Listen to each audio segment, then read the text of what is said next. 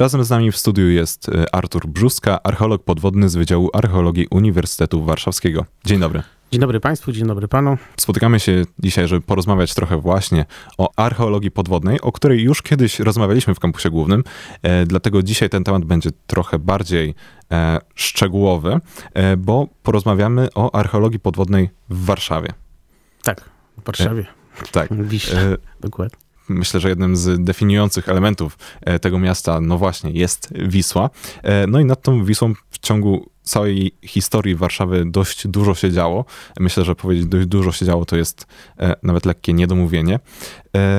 Ale no, skoro mówimy o archeologii podwodnej, to zacznijmy od czegoś, co wydaje mi się jest podstawową rzeczą, na jaką zwracają uwagę wszyscy, którzy mówią o archeologii. Czyli mianowicie chodzi mi o znaleźli, znaleziska, różnego rodzaju zabytki i artefakty. Jakiego typu znaleziska, o jakiego typu znaleziskach możemy powiedzieć, kiedy mówimy o archeologii podwodnej w Warszawie? E, No, oczywiście temat archeologii podwodnej, jak i w ogóle archeologii jest tematem bardzo przyjemnym, natomiast no, wydarzenia, które teraz się, tak słowem wstępu powiem, dzieją na wschodzie, to są wydarzenia też, o których nas, archeologów, e, też bardzo mocno to e, poruszyło, zwłaszcza, że prowadziliśmy Uczestniczyliśmy w różnych misjach e, w Ukrainie, także no, pierwsze słowa to chciałem tu skierować do e, kolegów ukraińskich, którzy być może to słyszą albo będą kiedyś słyszeć, że wspieramy ich tu e, całym sercem.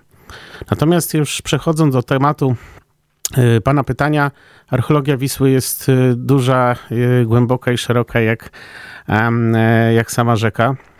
Mamy tu przeróżne sytuacje związane, przeróżne stanowiska związane z archeologią.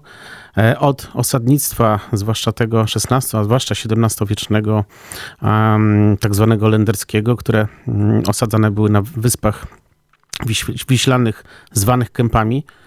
Dziś te e, pozostałości tych wysp e, funkcjonują wśród tkanki miejskiej jako po prostu kępy, czy tarchomiska, czy kęp, saska kępa.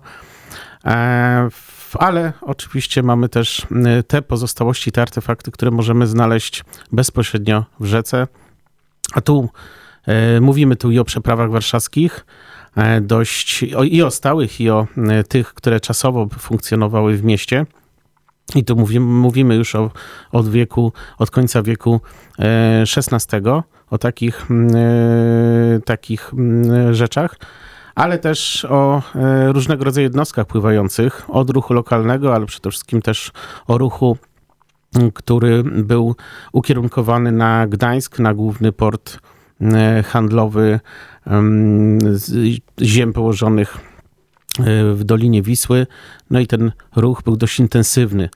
A więc wraki statków, okazuje się, że całkiem sporo ich tu przetrwało, także w Warszawie, więc wraków, wraków jest, jest dużo i to jest też taki główny, mm, e, główny element, którym moż, mogą się archeologowie zajmować e, w Wiśle w Warszawie. Wydaje mi się, że teraz, kiedy patrzymy na współczesną Warszawę, e, no to patrzymy na Wisłę no, zupełnie inaczej niż ludzie w przeszłości, no bo faktycznie mamy pobudowane te nasze współczesne mosty, a żegluga jest ograniczona prawie zupełnie do rekreacji. Już raczej e, nie ma żeglugi zbytnio transportowej. Jeśli pozostaniemy jeszcze przy tych e, różnych artefaktach, już trochę na razie pomijając tylko e, te wraki i mosty, to na przykład szykując się do tej rozmowy, znalazłem informację na temat, że w 2015 roku, kiedy w wyniku suszy właśnie poziom wody w Wiśle opadł, e, to udało się odnaleźć armaty z okresu potopu szwedzkiego. Czy tego typu zjawiska, e, rzeczy tak no, ciężkich, ogromnych, czy po prostu bardziej nietypowych, no bo po Wiśle nie pływały raczej jednostki uzbrojone w armaty. Czy jest jakaś też większa ilość e, właśnie artefaktów czy zabytków tego typu? To projekt, który faktycznie był realizowany przez doktora habilitowanego Huberta Kowalskiego em, z Uniwersytetu Warszawskiego i Marcina Jankowskiego, podróżnika i dziennikarza. E, To był projekt pionierski wręcz dla Wisły, jeden z takich dość szerokich mm, projektów związanych z badaniem konkretnego wydarzenia historycznego. Z przekazów źródłowych wiedziano, że w czasie potopu szwedzkiego e, no, kradziono, tak to należałoby powiedzieć, praktycznie wszystko, e, co miało jakąkolwiek wartość. I wiedziano też, że i tu wracamy do wraków, że co najmniej jeden czy może dwa statki wiślane rozbiły się na zakolu, w zakolu rzeki i tam a, być może coś uda się znaleźć. W związku z tym ten projekt, który tak de facto 2015 rok, rok był jego zwieńczeniem, a związane było to z tym niskim poziomem wody w Wiśle i dość, dość zaskakującym wtedy i kiedy praktycznie archeolodzy z różnych jednostek badawczych ruszyli na Wisłę, ale też inne, na inne rzeki, żeby um, prowadzić badania. No to był to już ten, taka końcówka tego, tego projektu, który przyniósł wiele ton zabytków. Nie mówimy tu o dwóch armatach, mówimy tu wręcz o tonach różnego rodzaju wyposażenia pałacowego, marmurów, granitów i tego typu rzeczy. Te armaty de facto to było zwieńczenie takiego, taki sukces, e, który wieńczył dzieło. Wydaje się, że to były armaty raczej lądowe. Y, znaczy na pewno to były armaty lądowe, być może tylko je transportowano, być może też one miały zabezpieczyć w dalszym transporcie e, ten ładunek z jakimiś tam elementami wojska, które stacjonowało na tych jednostkach, więc no jakby tu y, możliwości jest co najmniej kilka, no ale e, wydaje się, że, wydaje się, że duży, duża część już tych zabytków została z Wisły podniesiona przez, przez kolegów kluczowym, jeśli chodzi o znajdowanie tych artefaktów, e, jest też późniejsze ich wydobycie. E, I mówiliśmy szczególnie o jednym przypadku. E, skupiliśmy się trochę na tych badaniach, które były ukierunkowane w stronę odnalezienia różnych zabytków z okresu potopu szwedzkiego. I właśnie w 2015 roku udało się znaleźć dwie armaty, które pochodziły z tego okresu i udało się je znaleźć i wydobyć, między innymi dlatego, że wtedy Wisła z powodu suszy obniżyła swój poziom wody. W przypadku wydobywania różnego rodzaju właśnie znalezisk, jak kluczowe jest to, żeby te warunki przyrodnicze no, były jednak sprzyjające? Jest to zdecydowanie kluczowe. Y, generalnie y, poszukując czegokolwiek w Wiśle, musimy się nastawić na to, że jeżeli użyjemy nowoczesnych metod elektronicznych, czyli w tym przypadku sonarów różnego rodzaju, to mamy szansę na odkrycie obiektów, um, które na tym sonarze będą widoczne, ale no możemy tu mówić jednak o obiektach, które będą się ewidentnie odróżniały od dna, e, będą miały ten kształt widoczny już na obrazie sonarowym, no i swoją odpowiednią wielkość. W przypadku tych armat czy tych zabytków, zabytków związanych z potopem, taka sytuacja była bardzo trudna, dlatego że te obiekty nie były aż tak duże i przede wszystkim ich kontrast, jeżeli chodzi o odróżnianie się od tego, co leży na dnie, a tamte, w tamtym miejscu to dno jest dość, dość kamieniste, no spowodowało, że yy, metody sonarowe nie były do końca przydatne. Do tego metoda nurkowa w Wiśle jest też bardzo trudna do zrealizowania, czyli po prostu zanurkowania i zobaczenia, czy czego, coś nie ma, czegoś nie ma na dnie. A wynika to po pierwsze z silnego prądu wiślanego, to jest do 6 km na godzinę, z dużej, z dużej masy wody, która przepływa. W związku z tym utrzymanie się nawet na linie nie jest rzeczą łatwą. Trzeba tu mieć e, trochę doświadczenia i też siły, nie powiem.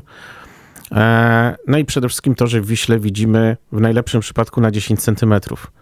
E, czym głębiej, a mówimy to głębokości pół metra w dół, to już w zasadzie ta wizura, czy widoczność, jak to byśmy powiedzieli mniej slangowo, mm, e, spada praktycznie do zera, więc trzeba się zdać na dotyk, na czucie.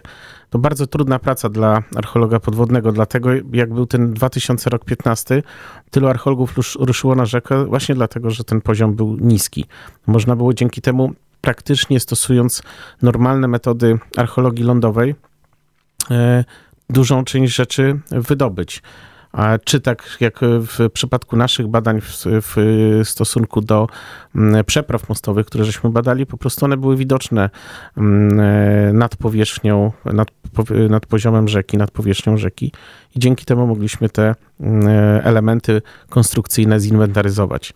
Więc no, w tym przypadku to były dość, dość takie sprzyjające naszym działaniom skutki uboczne katastrofy klimatycznej.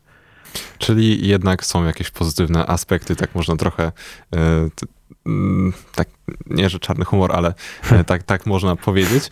E, Ale skoro wspomnieliśmy już o, o tym, że właśnie część tych starych, dawnych przepraw mostowych e, bywa jednak widoczna, e, to w których miejscach w Warszawie znajdują się właśnie takie przeprawy, które E, można by było zobaczyć? Rozmawiając z panem, jakby p- pisząc tu wiadomości, e, od razu chciałem, że przyjechać do e, radiostacji tu na ulicę Bednarską, a to dlatego, że właśnie duża część pali, które wystają co jakiś czas, a w zasadzie no, w, przy każdym niskim poziomie rzeki są widoczne na wylocie ulicy Bednarskiej. To, jest, to są mosty warszawskie, mm, które budowano tu e, od XVII do w zasadzie połowy XIX wieku. Większość z nich to były mosty e, pływające, więc nie były to konstrukcje, które, po których powinny zostać pale, ale były też konstrukcje mm, e, w, zbudowane chociażby przez wojska napoleońskie w, po wkroczeniu do Warszawy. One długo nie postały, ale funkcjonowały, ale także w, XVIII wieku funkcjonował tu most y, pontonowy, czyli ten most niestały, ale most, który był wzmacniany dużą ilością pali, most taki, nazwijmy to hybrydowy. Y, Całkiem niedaleko na wylocie ulicy Karowej jest znowu, y, są resztki, czy były resztki mostu drewnianego jeszcze budowy 1945, czyli po wyzwoleniu Warszawy e, zbudowano takich mostów na palach dwa. Ten był mostem na wysokości ulicy Karowej, mostem lądowym. Był jeszcze e, wzdłuż linii mostu gdańskiego drugi most e, drewniany. No i oczywiście należy wspomnieć o najstarszym warszawskim moście, a pozostałości jego do dziś możemy podziwiać, jeżeli chodzi o tak zwaną mm, e, procho, starą porchownię, czyli jest to brama, która wiodła do mostu zbudowanego w końcu wieku XVI, który funkcjonował aż do początków, samego początku, oczywiście z przerwami, z przebudowami, aż do początku wieku XVII. Początki jego budowy to e, oczywiście decyzja króla Zygmunta Augusta, później mamy później mamy e, decyzję e, Później Bet- Stefan Batory jakby e, ten most naprawia, natomiast jakby duże, duże dzieło, duże, duże wsparcie było tu k- królewskiej żony i dlatego teraz południowa obwodnica Warszawy, a most południowej obwodnicy Warszawy ma nazwę jaką ma i e, tu, e, czyli most Anny Jagielonki i tu. Czyli ta tradycja dalej jest E, żywa. Została, miejmy nadzieję, podtrzymana. Natomiast te pale i duża część pali, oprócz tych, które tu wystają na ulicy Bednarskiej, to pale, które się znajdują, znajdują na wysokości ulicy Mostowej Boleść, czyli właśnie tego najstarszego warszawskiego mostu, a są pod wodą. I wykryliśmy je na sonarze. To jest prawie 100 pali. Mm. Na wysokości tu, tych ulic y, Bednarskiej i Karowej, tych pali było prawie 200. Z czego część widoczna na powierzchni, część nadal znajduje się pod wodą. Czyli właśnie, jeżeli ktoś jest zainteresowany wszelkiego rodzaju e, znaleziskami archeologicznymi, albo po prostu jest zainteresowany historią e, Warszawy, czy historią ogólnie, to jak najbardziej zachęcamy do tego, żeby kiedyś, może w lato, wybrać się e, nad Wisłę, chociażby tutaj do okolic ulicy Bednarskiej i może uda wam się znaleźć właśnie te pozostałości dawnych warszawskich mostów.